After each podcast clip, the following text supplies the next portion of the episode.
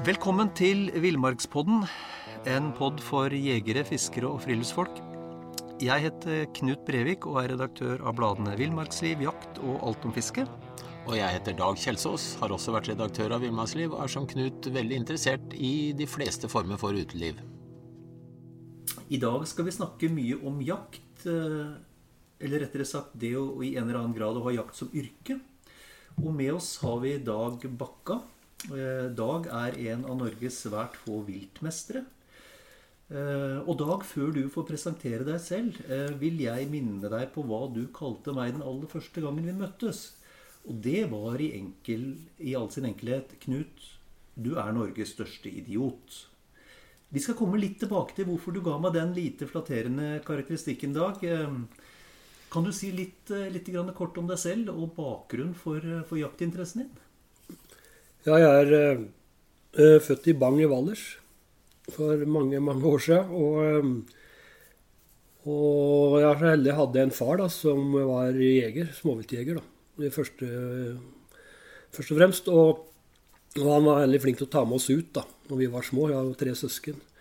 Og vi kunne være ukevis på ei hytte vi hadde som egentlig var gammel anleggsbrakke da, i nordenden av Vassfaret. Så jeg fikk nok mye inn der. Og så er det nok noe som må du Den genuine jaktinteressen, det tror jeg er noe du blir født med. Og, eh, men så broren min, som òg en tre år yngre bror han fikk jo akkurat samme muligheten som meg. da, Var med og jakta og sånt. Og han jager i dag som mest hare, da, med en støver som vi har sammen. Og er fornøyd med det. Og har en økonomiutdannelse og musikkutdannelse. Så, så det har nok et sånn Den sammenhengen med den jaktinteressen var nok bare at, eh, at jeg hadde det medfødt, pluss at jeg ble, fikk jo alle muligheter da, med en, eh, den faren jeg hadde. da. Mm. Når var det egentlig du bestemte deg for å prøve å få jakt eh, og, og vilt som levevei? Nå får du bladet Villmarksliv rett hjem i postkassa i tre måneder for kun 99 kroner. I Villmarksliv kan du lese om norsk natur, ærlige tester av klær og utstyr, og mange gode turtips skrevet av erfarne friluftsfolk, fiskere og jegere. Send SMS VILL36 til 2205 og motta bladet allerede neste uke. Lev livet villere med bladet Villmarksliv. Mom deserves the best, and there's no better place to shop for Mother's Day than Whole Foods Market. They're your destination for unbeatable savings, from premium gifts to show-stopping flowers and irresistible desserts. Start by saving 33% with Prime on all body care and candles. Then get a 15-stem bunch of tulips for just $9.99 each with Prime. Round out Mom's menu with festive rosé, irresistible berry chantilly cake, and more special treats. Come celebrate Mother's Day at Whole Foods Market.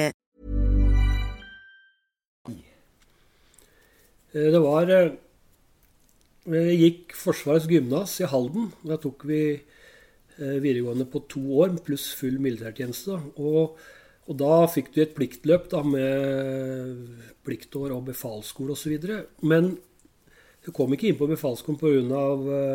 nedsatt hørsel allerede da, da som 18-19-åring. Hadde smellet litt mye. Så så da sto jeg egentlig der, og plutselig var det fire-fem år da, som egentlig hadde, var bestemt, som det ikke ble noe av. Og da tok vi noen runder og diskuterte mest med faderen. Da. Og, og da husker jeg at jeg traff øh, var på Elverum på Jakt Fiskdagene, og der var Evenstad med daværende utmarksteknikerkurset. Og så pratet litt med dem, og så videre. Og så tenkte jeg det er nok det nærmeste jeg kommer eh, for å kunne jobbe med jakt i Norge. Det var å bli utmarkstekniker. Så da la jeg opp et løp.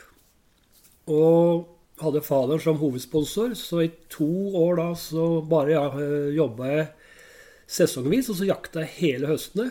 Og han sponsa meg. Og så begynte jeg på Valle landbruksskole, tok jord og skog. Eh, det var ett og et halvt år fri vår og høst. Ikke minst. Siste var jo viktig. Og så begynte jeg på Evenstad, på skogskolen der, i 86, og ble da skogtekniker. Og så gikk jeg over og tok uh, utmarksteknikeren etterpå, da. Og, og da, så jobba jeg da først på Varaldskogen med et mårprosjekt. Og vi drev òg med, med skogsfugl. Fanga dem og merka dem med, med, radiosendere og fulgte opp dem under ledelse av uh, Jørund Rolstad og Scott Brainard. Og så, men så ble det veldig mye hakkespetter. Um, for det, fikk, uh, det var en nøkkelart, fant de ut. altså Det skulle det da bevilges en del penger til, men ikke så mye til mår og, og storfugl. Og da gikk jeg litt lei de der spetta. Så da fikk jeg jobb på Kjær Mykkelby, en uh, forholdsvis stor eiendom oppe i Stor-Elvdalen. Og der begynte jeg da i 91 med kalte meg vel, eller ble vel kalt utmarksforvalter. da. Og da følte jeg at det var der. Da husker jeg da bare faderen kom opp på jakt. Da kunne han jaga småvilt på flere hundre tusen mål og kose seg. Og, og da etter det så har jeg jobba stort sett med, med, jakt og jaktrelaterte ting. da. Og det, det, med viltmester må du fortelle litt mer om. Du er en av svært få i Norge i dag som kan titulere deg som viltmester. Hva ligger i det? Ja, det var en utdannelse som uh, faren til nåværende svenskekongen uh, grunna da, i 1947. Da begynte det første viltmesterkurset, og det var, det var uh, Tanken var at eh, det svenske jegerforbundet skulle utdanne sine konsulenter, altså jaktmarkskonsulenter, som jo hadde veldig stor betydning for svensk viltforvaltning. Og Samtidig så var det behov for noen innen forskning, og så var det behov for yrkesjegere. Som Jegerforbundet ville da ta hånd om utdannelsen. Og, og det gikk hvert tredje år da framover. Og eh, da jeg søkte dit, så hadde Norge og Finland én plass hver.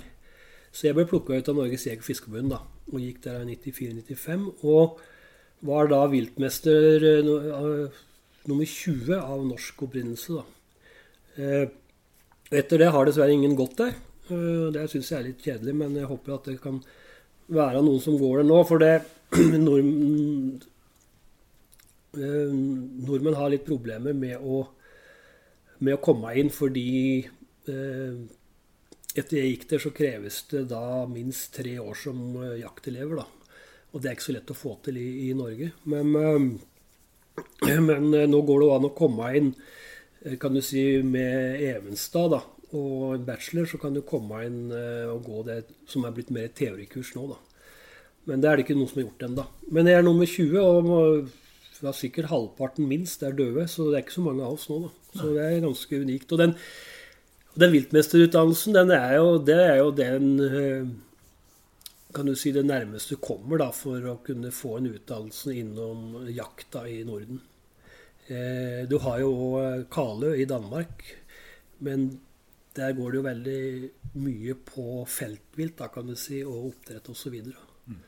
så eh, Og den, den viltmesterutdannelsen gjorde jo at du fikk jo et veldig godt kontaktnett, ikke minst i Sverige. da. Og mange av dem jeg gikk sammen med der, er jo yrkesjeger i dag. da. Og, vi, og innen den sjangeren der, da, så reiser vi rundt og besøker hverandre, hjelper hverandre og, og jakter oss hverandre. Mm. Det er ganske vanlig. da. Mm. Eh, vi må litt tilbake til det med å leve av jakt i Norge. Hvordan, hvordan er mulighetene for det her? Det spørs hva han legger i det med jakt. da. Også, det er Yrkesjegertittelen er det jo mange som bruker, men eh, den er eh, Og så har du jakt som yrke, så innebærer det som regel at du ikke får jakte så mye sjøl. De aller fleste som driver innen den sjangeren i Norge i dag, de er jo forvaltere. De er forvaltere på større enheter som kan være private eiendommer, men også Statskog osv. Og, og det går jo da ut på å forvalte viltstammene. Gjør gjør det for mange. Uh, og så går det ut da på å serve andre. Altså det kan være eieren og hans uh, eller hennes slekt og venner. jo større grunneier, jo større slekt og vennekrets har det om høsten. tør jeg påstå. Og, så det det her å gå ut og jakte sjøl, det er det veldig få som får betalt for. Det er noen unntak, eh, som de som driver eh, med rovviltbekjempelse og får betalt for det, da, får faktisk timestart for å holde etter de små rovdyra, de, de, er det nærmeste du kommer, sånn som jeg ser det. Ellers er det, så er det et forvalter- og serviceyrke. Så de som drømmer om å jakte mye sjøl, de bør heller, etter min mening, få seg en utdannelse og en jobb som gjør at du kan ta deg mye fri jakte. Sånn som de nordsjøarbeiderne. Jeg har hatt mange av dem med på jakt i Sverige. De jo, er to uker på, fire uker av. Mange av dem jakter jo veldig mye. Tjener bra. Masse fri. Så jeg tror det er ofte sånn misforstått at, uh, at du tror at noen betaler for å gå ut og jakte sjøl. Men det er veldig sjelden. Det er eh, som sagt det er forvaltning, det er service, og det er eventuelt å, å, å skyte restkvote, da. Der kan du kanskje si at du får litt betalt for å jakte. da. Men, er, men, så er det veldig stor forskjell på det å jakte profesjonelt da, og hobby. Altså for eksempel Når vi hadde igjen så og så mange elger eh, vi skulle skyte Da jager du så lenge det er lyst. Kommer ut, Kjører du om kvelden, kjører du etter det er mørkt, kjører dem ut, og så flår du, slakter du om natta. Og så på igjen om morgenen.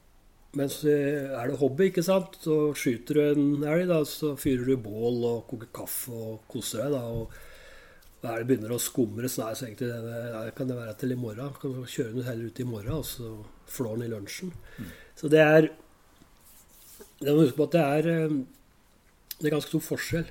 Men og jeg tror da at de som har drevet en del i den uh, sjangeren der sånn, i hvert fall inklusiv meg sjøl, at jo, jo, mer vi har drevet profesjonelt, jo større, eh, større glede setter vi i det å ha det som hobby. Når jeg har det som hobby, da kan jeg velge når jeg skal jakte, hvor jeg skal jakte, og med hvem jeg skal jakte. Og det betyr veldig mye. Hvem du jakter sammen med. Når du har det som yrke, så må du jakte sammen med folk som Ja, du gjør det kun fordi at du får betalt, for å si det sånn. Mm. Og i forhold til det, i det å, å, å, guide andre Alle som har vært i serviceyrker, vet jo at det er jo ikke det letteste å bedrive. Hva er det mest krevende med å være jaktguide for andre? Det er det at du, du selger en opplevelse, men du kan ikke garantere noe resultat. Og det er jo en forventning om at eh, de skal skyte noe. Det er jo det. Hvis ikke hvis ikke det var eh, noe av greia, så kunne de like å gå tur, da. Eller tatt bilder, og hadde ikke behøvd å betale for det. Så, så det ligger, eh, den største utfordringa det ligger i at eh, du har et press på deg for å lykkes. Og så kan du jo pakke inn det så godt du kan i fin natur og opplevelse osv. Men er, det er jo ville dyr. Og det er avhengig av vær og vind, særlig på fjellet, da, og eventuelt havet hvis du jakter sel. Og, nå, og og så er det Og at det som er en skuddsjanse for deg, da, det behøves ikke nødvendigvis være en skuddsjanse for gjesten. Mm. Altså kanskje du, kanskje du må eh, produsere 150% sjanser. Men det er det som må, jeg tror, trigger en jaktguide. Det er det at du må nesten overgå deg sjøl. Du, du, må jakte enda bedre. For du må lage en skuddsjanse som, som du sjøl kunne brukt, tatt med pil og bue. Men du har en gjest da, som, eh, som må ha så god skuddsjanse for å lykkes. Eh, og så er det det at vi har veldig kort sesong. Vi har ganske lite vilt. Altså vi har ikke noen tette viltbestander. Og, og det er jo litt utfordring. Og så er det jo så er det jo arter som, eh, som Eh, det, det, er ikke alle artene som er like attraktive heller. Og vi konkurrerer jo med, med andre land. Altså, på, hvis en europeer vil ha seg en tiur, så er det jo mye sikrere å reise til Russland og skyte den på spill. Ikke sant? Mm. Eh, her, her, eh, her, er det Ja, det er vanskelig, kan du si, da. Men det er jo det er jo en utfordring, det òg. Og så er det det klart at uh, du er jo i servicebransjen. Du skal uh, Det kreves veldig mye av deg. Det er alltid fra språket å opptre på en korrekt måte. Og der uh, Du lærer ganske mye av det hvis du kjøper jakt sjøl og blir guida. Og det er så frustrerende å bli guida av en dårlig jaktguide. Det er eh, så det er, det er, noe å tenke på at du må være ha den fagkunnskapen. altså Du må være en veldig dyktig jeger i, i grunn, men samtidig så må du òg kunne behandle mennesker. da. Jeg har noen som jeg vet som er ekstremt gode til å jakte, men de, de egner seg ikke som jaktguider. Og hva er Du har jo, du har jo guida mange opp gjennom mange år. Hva er, hva er det rareste du har opplevd som jaktguide? Ja, det, oi, det kunne jeg skrive en bok om, tror jeg. Men jeg vet ikke om leser eller opplaget hadde blitt så stort. For det er jo Jeg tror ikke de, Jeg tror Jeg tror de fleste hadde hatt problemer med å forstå at det er virkelig er sant. fordi det som er kanskje den største utfordring, det er, det er spesielt når hvis jakta har blitt solgt gjennom agenter, så de skal bare selge. De, skal, de må ikke levere, og det må du gjøre. Og jeg opplevd det noen ganger at det har blitt solgt da, med, med, forutsetninger som er helt absurd. Og altså det, det, henger ikke på greip i hele tatt. Som for eksempel? Nei, jeg starta som jaktguide i Sverige med, på skogsfugljakt med treskjeller. Jeg hadde en bra finnspets og kom inn der. Og ja, det fikk jeg faktisk som yrkespraksis på Evenstad. Og med, å drive som jaktguide. Og de første vi hadde, da, da var det tysk, et par tyske klienter. og De hadde fått beskjed om da, fra Diana, som hadde solgt det, at det var bare å til Sverige. Det, var, det fantes noen svensker med små røde hunder. Altså ikke sykdommen, da, men treskjellere.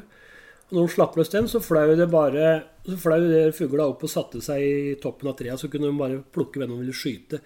Så han øh, første jaktgjesten jeg hadde, faktisk, han øh, En veldig en veldig korrekt eldre tysker.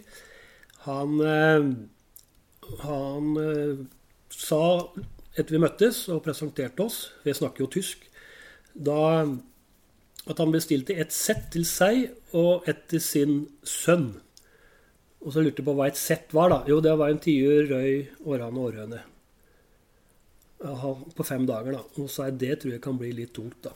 Så, men han fikk, han fikk sin, han fikk sin gammeltiur, og gråt faktisk, den ærverdige tyske herremannen. Og, og det, gjorde veldig sterkt inntrykk på meg. Og, men den mest absurde episoden, det var òg faktisk med, med, tyskere. Men det, en Det var på samme sted, vi guida skogsfugl da, og han var fant vi ut akkurat dobbelt så tung som meg, da, og akkurat like høy. Og øh, jeg måtte spikke en kjepp til den. Jeg skjønte ikke helt hvorfor. men øh, Så vi gikk, og så skulle vi over ei myr som var veldig lang og smal. Og det lønner seg å gå rundt når du driver med treskjeller, men jeg tenkte det kommer vi, vi kommer ikke rundt før lunsj med den framdriften der. Og så skulle vi gå rett over. Og da var han skeptisk til det, og det skjønner jeg godt, for han var jo tung. og jeg måtte stå og hoppe på hvert bein for å se hvor langt ned jeg sank i myra. Og så gikk han etter meg, da. Og da spåra han litt ut og havna ned i noe grønske og satt der til langt oppå lederhåsen da, Og satt jo fast i myra. Og da tenkte, da, øh, tenkte jeg hva som i verden skal få han opp av myra her. Og da så fikk jeg drillingen hans, og da var han litt skeptisk. Jeg lurer på om han trodde jeg skulle bare ta drillingen og stikke. Men jeg kom inn på fast mark og begynte å hogge, hogge trær. da, Mindre trær. Så jeg bygde, jeg laget en platting utpå der da, for han å stå på. Og så kom finnspetsen igjen og begynte å lose på oss da når vi drev der. Så til slutt fikk jeg berga den. da, Så fikk den opp. Og innpå der. Og så kom vi, kom vi på andre siden av myra, og så plutselig kom det røy flygende som slår seg opp i, på furugrein helt åpent. Og finnspetsen kommer og begynner å lose. Og jeg ber han skyte, så klart. da, og, Men han, nei, han sier at jeg skal skyte. Nei, sier du må jo skyte. Og, og så står vi og og så flyr jo røya. Og så sier jo til henne at eh, hvis du ikke tar til vare sånne sjanser, da blir det ingenting. For det bedre sjansen dette her, det, det, får du ikke. Og da betrodde meg da at han hadde nylig blitt blind på høyre øye og hadde ikke trena på å skyte links. Så man også var i Sverige da, for å skyte skogsfugl. Og det er klart at eh, da har du litt sånn eh, tunge forutsetninger, kan du si. da. Men vi gjorde en spesialdeal. Han var, eh, han var en del av ei gruppe da, på fem tyskere. Eh, hvor den femte var bare en sånn diffus sjåfør som skulle fiske. Men iallfall de fire andre skulle jo skyte. da. Hadde, og det var personlige guider, da. Vi hadde samme guide hele tida. Så jeg og han klienten vi fikk til en spesialavtale. altså Han, han skøyt jo flest av alle på, på hele, hele, gruppa. da. Det var ingen som matcha han i hele tatt. Så de var litt skeptiske når han kom bærende med, med fugl etter hver økt, men, eh, men eh, ja sånn var det nå.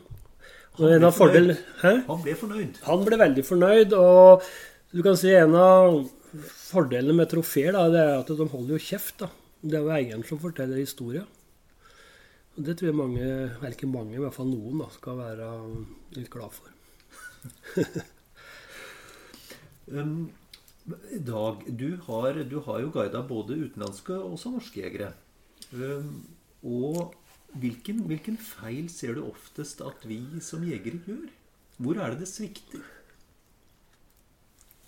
Ja, det, det er et veldig godt spørsmål. Eh, det bånder nok mye eh, kanskje litt dårlig artskunnskap. De har ikke lært seg viltet nok eh, for å bedømme altså klart Når du guider, så får jo de beskjed av guiden da, om, om, om det er skytbart eller ei. Men hvis du skal ta bedømmelsen sjøl, så, så, kan det svikte litt der sånn. Og, men det handler ikke bare om åssen dyret er, men åssen det skal oppføre seg. For hvis du kan arten, eller har lært å kjenne arten litt, så klarer du å forutse nesten hva gjør den, hva gjør den nå? Og åssen vil de reagere? Og, og, folk tar ikke hensyn til vind. Um, og de, som kan være vanskelig òg. Særlig i skogen kan de jo snurre skikkelig. Uh, og de eh, røper seg med litt brå bevegelser.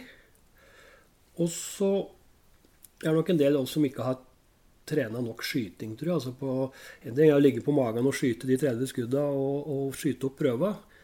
Som jo ikke har noe med storviltprøve å gjøre, men det er jo bare en test for å se om børsa de går på. da. Men men nå, er, eh, ja, på, på reinsjakt ligger du uh, av og til. Og, men ellers er det sjelden. Det er jo i beste fall sittende, sittende eller kne.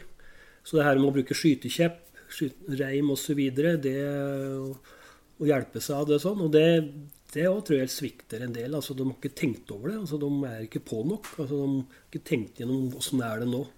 Og så er det treninga, altså at du skyter da på i i i jaktrelaterte situasjoner òg. Altså når du på, er på banen, da, og kanskje er det når det ikke er så mange andre, at du tar du anlegg på stolpen der. Eller du har med deg en kjepp, da, eller du har med en uh, skytestikken. da, Og så skyter med sånne ting, da, ikke bare ligger der og, og skyter liggende på magen. Så det, det er vel det sånn kort sammenfatta. Og så er det det at uh, du må være mye ute. Altså, du må jakte mye skal du, skal du lykkes. Altså, det er som det, Jakta er jo, eh, som en gammel svensk rovviltjeger sa, det er som et lotteri. Altså, kjøper du mange nok lodd, så vinner du jo. Og det, og det er jo den derre Altså den der ut, mangelen på utholdenhet også som jeg syns eh, Jeg syns det butter fort. Altså, jeg leide ut mye elgjakt, da til eh, ja, bl.a. elgjegere osv. Og, så videre, og det, noen mister motet veldig fort. Påstår at terrenget er tomt osv. Men det er, jo, det er, jo, bare å gnu på. Altså det finnes, du kan ikke garantere at noe terreng er tomt. Det kan jo være lite osv. Og, så og det er klart at et villreinfjell uten villrein ser jo veldig tomt ut. da.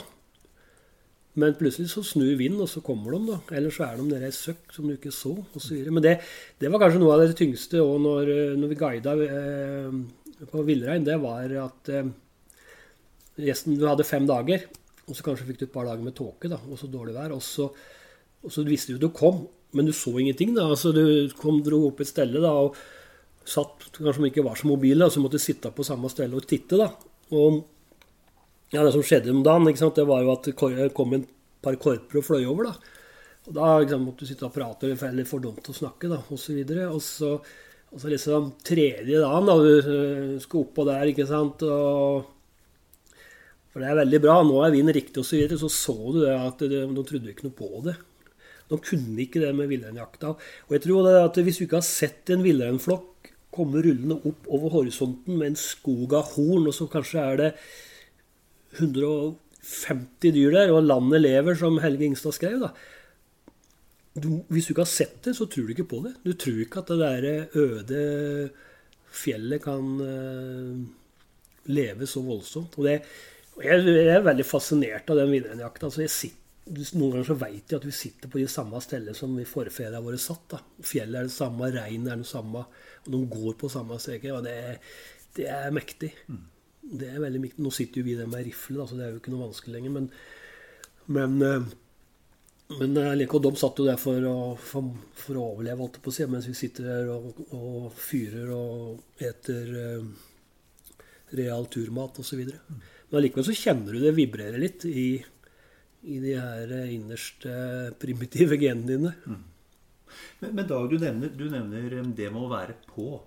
Men, men, det er vel en litt sånn uh, fin balanse? fordi er du for på, så er jo ikke det bra. Og er du for passiv, så er jo ikke det bra heller. Hvordan finner man den riktige balansen i forhold til å utfordre og være på? Ja, nei, det var et godt spørsmål. Jeg har um, ser veldig godt hvert år nå så som regel i februar så har jeg med meg norske gjester, stort sett norske, noen svenske, til et gods i Sverige hvor vi skyter mye dovhjort på smyg. Du får et område, og så er, klarer du deg sjøl med kikkert og, rifle og, og sleper til vei der du skyter, og så jager du på. Og, og der ser du, der har du alle avskygninger, kan du si. De som er veldig på, de får da av og til eh, et skadskytinger òg. Og ettersøk. Uh, uh, de tøyer litt for mye. De er litt for mye på. Og, så, og dette skal jo selges òg. Da kan du skyte kanskje litt dårlige vinkler, så du får skrå utganger osv. Så, har noen, så har du noen som er som regel der de skal være. Altså De leverer, de skyter rett dyr. og det er veldig sjelden at det går, går gærent. Og så har du de som ikke er nok på, og da smeller det ikke heller. For det er som det er mye vilt der, da, og så er det vanskelig jakt, for den blir jo hardt jaga. Det skytes jo mange, mange hundre på, eh, på 50 000 dekar. Så skytes det eh, bortimot 1000 eh, dåhjorter. Så det begynner å regne per dekar. Og så klart at de er jo, ser jo bra og er så klart da på hogget. Men den der finne balansen der sånn, det, det tror jeg bare kan gjøres ved at du går i deg sjøl. Altså, klart at hvis du da har laga et eller to ettersøk, kanskje, at du får skjerpe deg litt og roa deg litt ned. da. Eh, og Samtidig så er det litt det der, hvis det går, jakta går veldig bra, så er det litt lett for å bli litt slurvete òg. For at det, det, går på skinner, det smeller, det sitter der det skal, osv., og, så og så begynner du å slurve. Eller på avtrekk osv., og, så og så er du nede på null igjen. Men det er den sjølerkjennelsen òg, at du klarer å justere deg. da. Men det er eh, men det er, eh, jeg ser det veldig godt når jeg har hatt med såpass mye folk å gjøre, at det er veldig forskjell på folk. Eh, det som er den største utfordringen, det er de som ikke som ligger litt etter, føler de. da, altså de andre, de andre skyter jevnt og trutt, og det går litt sånn trått, og så blir de litt sånn desperate, og da går det gærent. Mm. Og det er kanskje noe av den største utfordringen, tror jeg, òg, som handler om lagsjakt.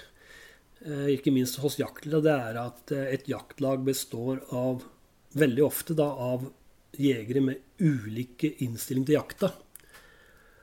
Å kombinere, la oss si et elgjaktlag, da, så er det de som lever for hundene sine. da, og så Elga skal skytes i los, og de legger ned masse tid osv. Og, så og så er det de som eh, er med for rett og slett for kjøttets del. Det henger jo enda igjen, osv og gjerne vil bli ferdig så fort som mulig. Og så er det med dem som er med for det sosiale. Som syns det er stas der å sitte i stillongsen og ete oppvarma lapskaus og ta seg en knert på kvelden og prate underlivshumor. Altså, du har alle avskygninger. Så, så noen, vil, noen, vil, skyte i los, noen vil bare skyte, og noen vil bli ferdig fort, og noen vil ture litt, kanskje. Og så skal du kombinere dette her. Det er utfordringer for mange jaktleder, altså. Mm. Så det er like barn leker best. Det gjelder ikke minst under jakta. Mm. Du har vært litt inne på det, og det bringer så naturlig over i den kanskje vanskeligste jakta av alt, ettersøksjakta. Der har du engasjert deg ganske tungt. Og hvorfor det? Det var eh, Nei, det er jo, som du sier, det er kanskje det er en utfordring, det òg, for det er jo den vanskeligste jakta. Eh, og det er jo eh, Det trigger jo litt, det. Og så så var jeg så heldig å få være med noen av de beste i Norden, kanskje i Europa òg, på ettersøk. På jaktrike eiendommer, holdt jeg på å si. På, hvor det er jaktrike og viltrike eiendommer hvor det krever ekstremt mye av hund og føre. Og, og, så har du fått sett hva de beste klarer. Altså de beste hundeførerne og hundene. Det henger jo ofte sammen der. Og det har gjort at Da har du sett den muligheten.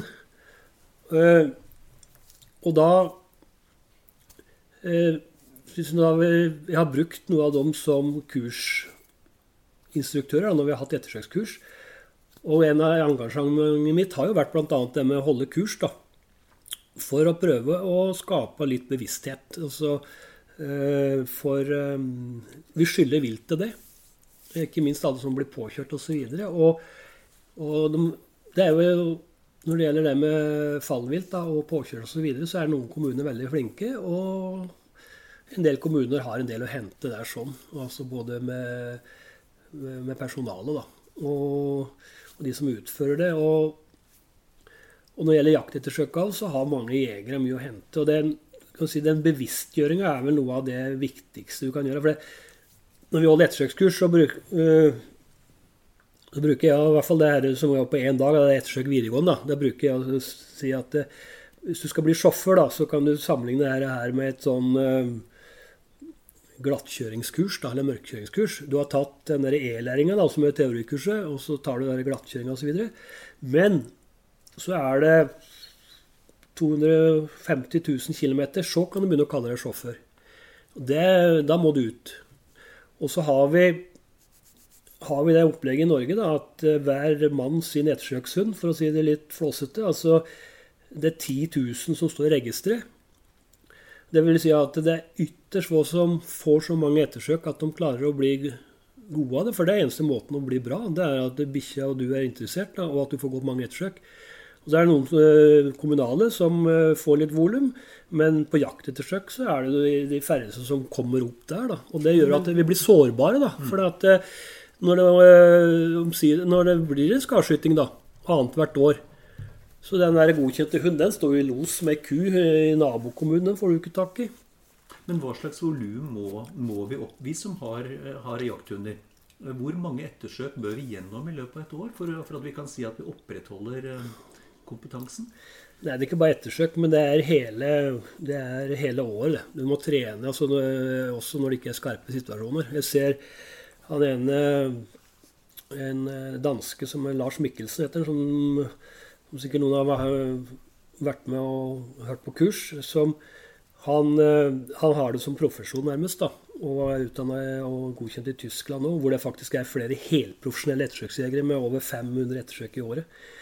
Eh, men han, når da, da gjort jakta er slutt i siste februar, så har han en liten pause fram til 16. mai, da, når bukkejakta begynner i Danmark. Da legger han blodspor for de her eh, rutinerte hundene sine. Verden. Ja, ja. flere ganger i uka. For å holde dem i gang. Altså Det er eneste pause de har. da. Hele, hele året så er det akkurat da i, i ehm, ja, mars-april. da. Men da legger han spor. Så han er i gang hele tida. Og det er jo det som er det største problemet. Det er jo at, eh, at eh, hundene blir ikke brukt. Så de, når, de, når, det kommer et ettersøk, og så, videre, så skjønner, vet ikke de hva hva som skal skje. Da, for de skjønner ikke skal vi, skal, skal vi spåre, skal vi gå tur, osv. Og, så og den der, eh, det, det, det, er jo det vi handler om, om volum. Det er jo én ting. Men også det her at bikkje, alle bikkjer kan spåre. Men det er jo Minuset henger i andre sida av eh, lina, for folk gidder ikke. De tar, de tar den eh, prøva da, med ferskspor og blodspor når hun er ung, og så eh, når ikke det da blir, blir vedlikeholdt, så, Så den vakre dagen når bikkja skal spåre, så skjønner du ikke hvorfor den skal gjøre det. Det så hvor mange ettersøk skal gå i året, det er vanskelig å si. Men det er jo Jeg mener at jeg mener at du, du bør gå en del. Altså, det, og har du ikke ettersøk, så bør du jo gå da spår. da. Uansett om det er om det, er, om det er med blod, eller om det er uten blod, eller så videre, eller om du spårer på noe annet. Så, så hun spårer det du hun skal spåre. Da. Men det som er problemet, er at Eller utfordringen, da. Det er jo at øh, de de vanskelige ettersøka, da, det, og det når det gjelder både trafikk og, og jakt, da, det, der burde det vært muligheter å kunne bruke en, kall det en elite, da. Altså noen som er virkelig gode. Eh, og jeg mener at, at eh, hvis du hadde fått et par sånn i hvert fylke da, nå er det, I hvert fall de gamle fylkene, nå er de fylkene så store, da, men hvis vi hadde fått to stykker i hvert fylke som, eh, til, eh, som kommunen kunne bruke uten kostnader, som kunne satsa på noen som ville, eh, som tok fram hunder spesielt for ettersøk osv. Så, videre, så så de er i hvert fall de, de i kommunen, da, som står der, og det er mørkt og det regner, og du lurer på skal jeg gi meg osv. Kunne ha da en å ringe til som kan møte opp dagen etter, da, og så få tatt den avgjørelsen etterpå. Kanskje finner du dem, kanskje ikke, men uansett så du, får du støtte på en, og så blir du bedre sjøl òg. Og det og samme med jaktettersøk òg. Altså, det må være slik at uh, den jaktetter som har litt guts, da, som, ikke, som skjønner at det her uh, klarer vi ikke sjøl, at det kunne ha en å ringe til, eller ei, da. Spiller ingen rolle hva slags kjønn det er på ettersøksjegeren. Og Nå får du bladet Villmarksliv rett hjem i postkassa i tre måneder for kun 99 kroner. I Villmarksliv kan du lese om norsk natur, ærlige tester av klær og utstyr, og mange gode turtips skrevet av erfarne friluftsfolk, fiskere og jegere. Send SMS VILL36 til 2205 og motta bladet allerede neste uke. Lev livet villere med bladet Villmarksliv. Imagine the softest sheets you've ever felt. Now imagine them getting even softer over time. That's what you'll feel with Bowl and Branch's organic cotton sheets. In a recent customer survey, 96% replied that Bowl and Branch sheets get softer with every wash. Start getting your best night's sleep in these sheets that get softer and softer for years to come. Try their sheets with a 30-night guarantee. Plus, get 15% off your first order at bowlandbranch.com. Code BUTTERY. Exclusions apply. See site for details. Og så finner de den elgen, da. Eller den hjorten. Etter tre kilometer. Og, og da er det noe som går inn hos uh, jegere, så er det resultatene, da. Og jeg tror vi kommer ikke noe videre der. Sånn. Det her med, med 10 000 godkjente hunder, det er greit det er for å finne dødt og døende. Eller for å men, eh, men, ikke for noe mer. Ikke for de vanskelige. Og det, det, er for mye dyr som lider. Og det er en del som ringer nå som er ambisiøse osv., som er uh, veldig fortvila. For i kommunen sitter det noen som kanskje burde vært uh, avsatt, holdt jeg på å si, da. Som verken har hund eller, uh, eller være noe spesielt interessert i å gå utafor asfaltkanten da, og, og har ansvaret for ettersøket. da. Så der har vi mye å, å, gå på. Der driver vi faktisk nå og, og jobber litt mot kommunene der. Skogkurs, hvor jeg jobber, da, er jo engasjert Eh, med å holde ettersøkskurs osv. Og, så videre, og vi var jo en prosjektgruppe som så på det med ettersøk videregående og sånt. Og, eh, så vi hører en del der sånn. Og, men det er en del frustrasjon. Eh, med tanke på særlig det med trafikale ettersøk. Da. Mm.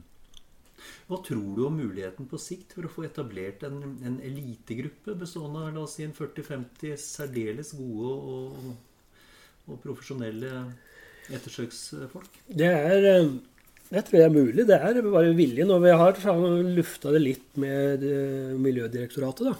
Og jeg tror eh, det er egentlig å eh, bevilge de nødvendige midlene. Og så å finne de rette personene og, så, og, og sende dem av gårde på, på, på kurs. Og kanskje noen steder hvor det gås mye ettersøk. Da. Og så begynne å skulle ta dem fram. Og så, og så er det den prosessen med at de blir brukt. da.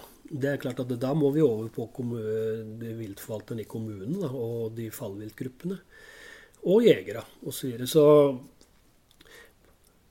det er egentlig et spørsmål om finansiering tror jeg, og vilje fra myndighetene. Men som sagt, eh, norske myndigheter har i motsetning til eh, andre land da, de bestemt seg for at i Norge skal vi ha volum. Og det er liksom ettersøkende godt varetatt, for det fins jo 10 000 bikkjer. Flere av dem er jo daue.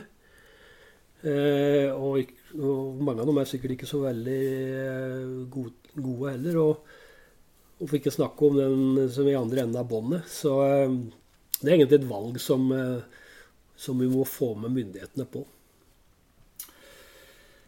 Bra. Um, Dag, hva slags våpen og optikk eh, er det du bruker?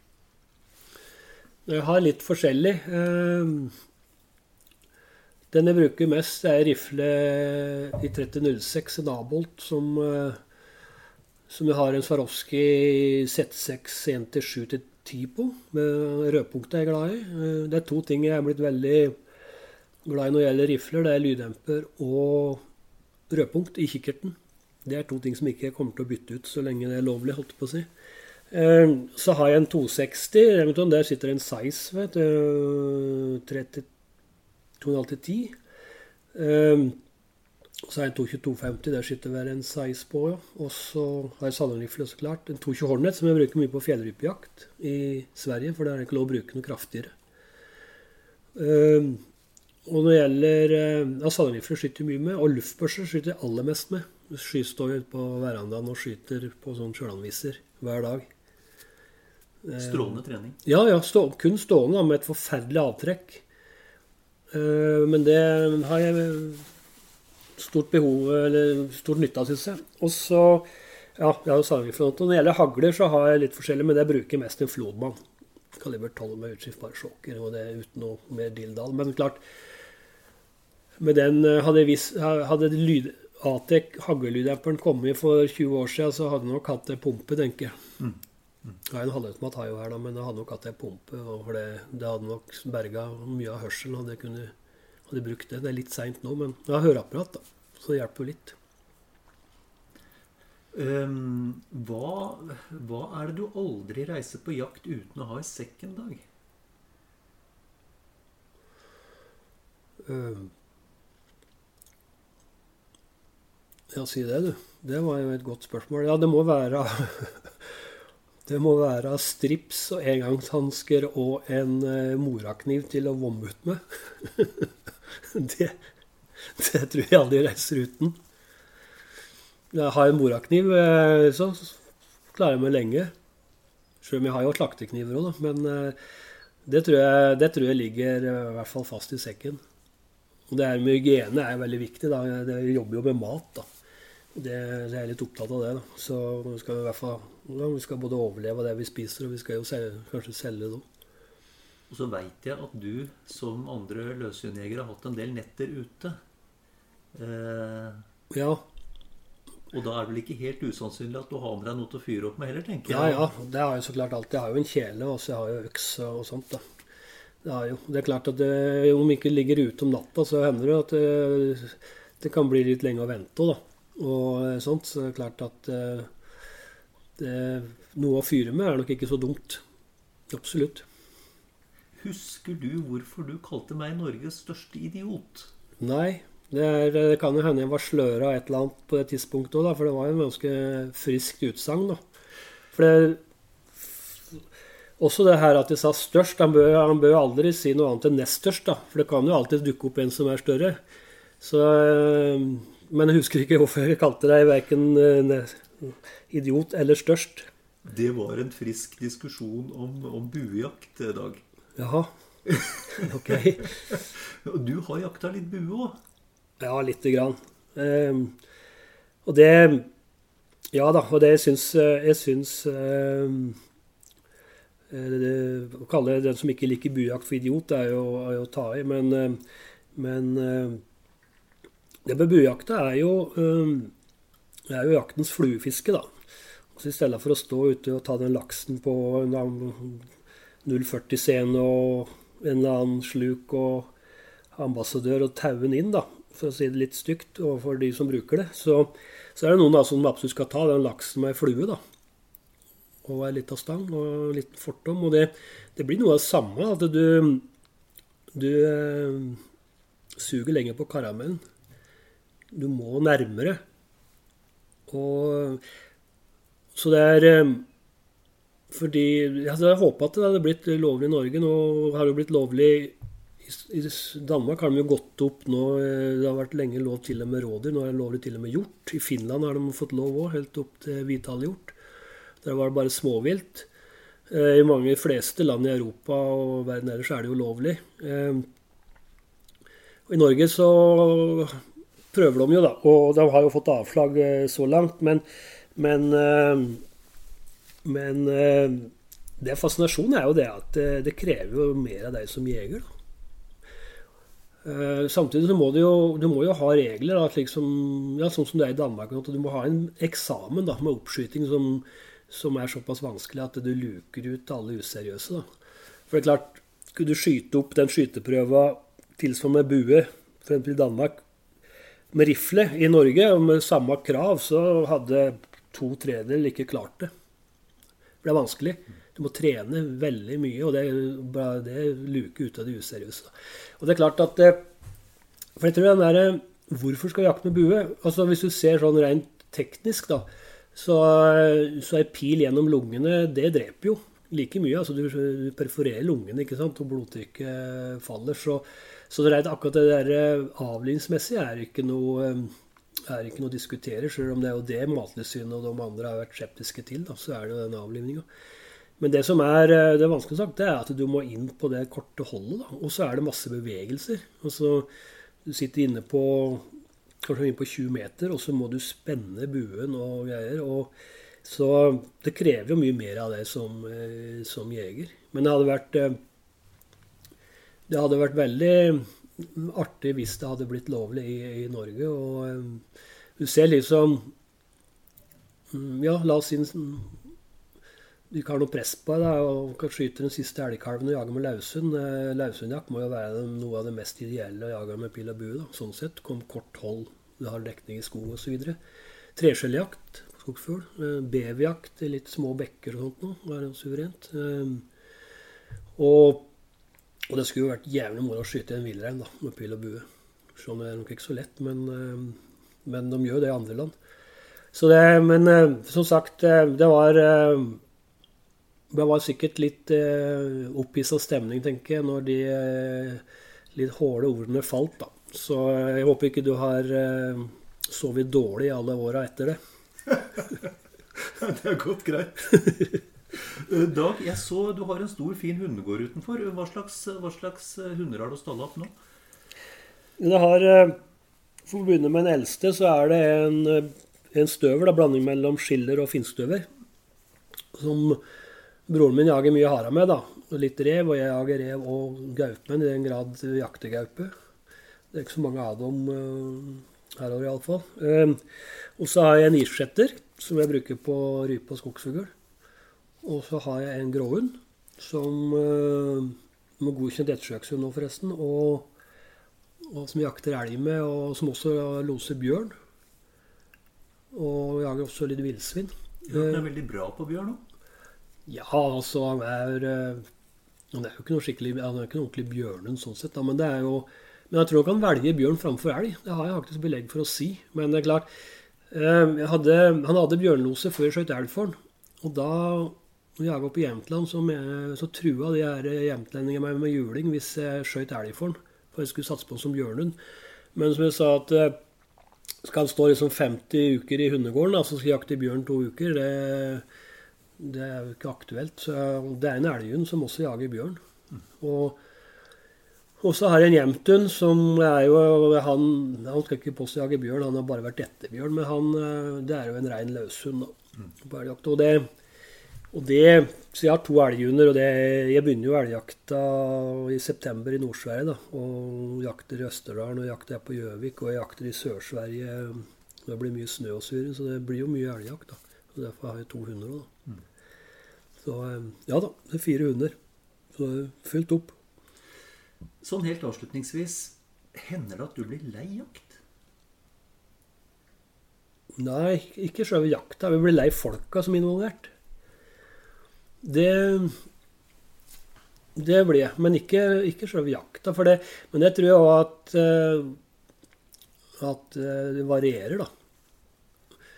At du eh, jakter ikke bare f.eks. elg, da, eller bare hjort, eller bare småvilt, da, eller rype. Så, jeg- så jeg blir jo ikke lei det. Jeg så det på når vi drev og guida som verst og hadde hadde jaktgjester. Og så eh, Vi hadde en periode kombinert med elg og villrein. Da hadde jakt overlappende oppe i Østerdalen. hadde vi. Og da kjørte vi litt intenst mot firmaer og sånt. Og da skulle vi ha noen pause imellom, for det var veldig viktig å putte inn. Og da, og da var det jo guida gjorde da når vi hadde pause, jo, da jakta vi sjøl. Og det var den beste terapien. Altså når du hadde hatt med gjester osv. Og, så videre, og kjørt noen sånne opplegg, og så da kunne gå ut eh, eh, helt aleine, liksom. Og uten radio noe som helst. Det var liksom ordentlig godt. Og jeg husker gang da tror jeg det jakta elg hver dag fra 25.9. til og med 15.11. Det, var, ja, det er ikke sikkert det var hver dag, men det var ikke mye om å gjøre iallfall.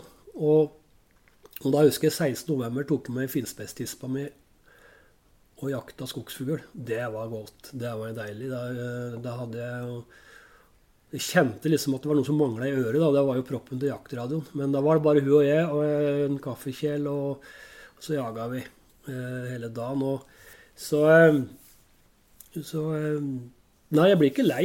Eh, jeg tror ikke det. Det er eh, Det er klart at noen ganger så eh, Så går det litt tungt, da. Litt trått. Eh, Det er litt mye stang ut og sånt noe, men det det føler jeg bare liksom trigger, jeg. for da er det bare å gi på enda mer. altså Da er det bare å gnu på. For det er som sagt det er et lotteri. Du får kjøpe mange nok lodd. Så. Dag, takk for praten og skittjakt. Takk for det, du. Kort og godt, sånn pakker du sekken. Dag, jeg skal på tur, eh, og nå lurer jeg på hvordan skal jeg på en optimal måte pakke sekken? Da kan du tenke litt på øh, hva slags tur du skal på. Skal du på blåbærtur, så pakker du ikke blåbærpelleren i bånn og ekstraklærne oppå. Du gjør omvendt. Eh, og det er generelt at eh, ting du kan ha bruk for underveis, det bør være lett tilgjengelig, enten i sidelommer eller eh, på andre måter, sånn at du når det fort og raskt. Det er veldig dumt hvis du har vottene i bånn, og, du og du fryser skikkelig, og så må du pakke alt ut, og så inn igjen, og kanskje er det snø som du må legge det på, osv. Ja. Nå, og det må sies da, nå er det jo på en del sekker så er det jo mulighet for å gå inn, gå inn i, i eh, hovedrommet også fra undersiden. Ja. Men, eh, men poenget ditt er jo veldig tydelig og bra. Hm. Hva med, hva med tunge kontra lette ting? Ja, det er iallfall helt klart at du bærer mye mer behagelig hvis du har det tunge inn mot ryggen. Ja. Og gjerne litt lavt i sekken, eh, særlig hvis du går på ski, for da vagler du litt når du går. Når du går i flatt, rett terreng på beina, så kan du ha det tunge litt høyere oppe. Og vi, vi slipper jo ikke helt unna dette med sekkeregulering heller. Eh, og, og der har jo jeg synda i mange år i forhold til å ikke være flink nok til å regulere remmer og, og Veldig, veldig viktig poeng, særlig hvis du bærer tungt. Eh, hvis du også bruker et hoftebelte, så vil du oppleve det at du har behov for å regulere underveis for å få litt forskjellig tyngdefordeling, litt, eh, anstrenge litt mindre på ryggen og mer på, på hoftene eller på nakken osv. Du, du bytter på litt underveis. Men det første du gjør hvis du har en rimelig lett sekk, reguler sånn at den føles behagelig, og at du kjenner at vekt og, og, og belastning er godt fordelt. Ja. Og så er det vel et poeng at sekken skal være så nært ryggen som mulig, sånn at ikke sekken på en måte Du, du, du, har regulert så dårlig at sekken henger ut i 45 graders vinkel fra ryggen. Nei, da, da blir jo alt feil. Og jo lenger vekta kommer vekk fra kroppen din, jo vanskeligere er det å gå med sekken. Nettopp. Ja. Eh, og ikke minst er det et poeng hvis du går i, i, i ulendt landskap og trenger den du, du, trenger den balansen du har. Da bruker du brystreim og, og det som er av strammemuligheter for mm. å få sekken til å bli mest mulig en del av kroppen din. Nettopp. Eh, så er det et annet punkt som også gjelder når vi snakker om å ha sekk av og på, som jeg begynte med, nemlig at vi pakker i vanntette pakninger, sånn at vi er sikra at når vi trenger eh, den tørre jakka f.eks., og, og putte under regntøyet fordi det fryser, så skal den fortsatt være tørr når det har regna litt på sekken. For de fleste sekker er ikke tette. Det må mm. vi bare innrømme. Mm, mm. Og så kan det kanskje være et poeng å ha f.eks. kompass eller eh, GPS liggende lett tilgjengelig i topplomma, så du strengt tatt bare kan vippe av deg sekken og hente det, og slippe de helt store. Ja, og, og, mobilen bør du da også ha liggende lett tilgjengelig, eller eh, om du har andre viktige ting som du så Det kan være kart eller hva som helst. Men la det gjerne ligge vanntett. Mm. Og, og, la det være sikra, sånn at du, at du, ikke får ødelagt det hvis du stuper. Så du, du, kan tenke på å beskytte med et plagg over det som er ømfintlig i sekken. Hvis du legger eggene øverst, Knut, og tryner, da veit du åssen det går. Nå føler jeg at jeg er klar til å pakke sekk, jeg. Ja, men det er bare å sette i gang. Nå får du bladet Villmarksliv rett hjem i postkassa i tre måneder for kun 99 kroner. I Villmarksliv kan du lese om norsk natur, ærlige tester av klær og utstyr, og mange gode turtips skrevet av erfarne friluftsfolk, fiskere og jegere. Send SMS VILL36 til 2205 og motta bladet allerede neste uke. Lev livet villere med bladet Villmarksliv. Mom deserves the best, and there's no better place to shop for Mother's Day than Whole Foods Market. They're your destination for unbeatable savings, from premium gifts to show-stopping flowers and irresistible desserts. Start by saving 33% with Prime on all body care and candles. Then get a 15-stem bunch of tulips for just $9.99 each with Prime. Round out Mom's menu with festive rosé, irresistible berry chantilly cake, and more special treats. Come celebrate Mother's Day at Whole Foods Market. Even when we're on a budget, we still deserve nice things. Quince is a place to scoop up stunning high-end goods for 50 to 80% less than similar brands. They have buttery soft cashmere sweaters starting at $50, luxurious Italian leather bags, and so much more. Plus, Quince only works with factories that use safe, ethical, and responsible manufacturing. Get the high-end goods you'll love without the high price tag with Quince. Go to quince.com/style for free shipping and 365 day returns.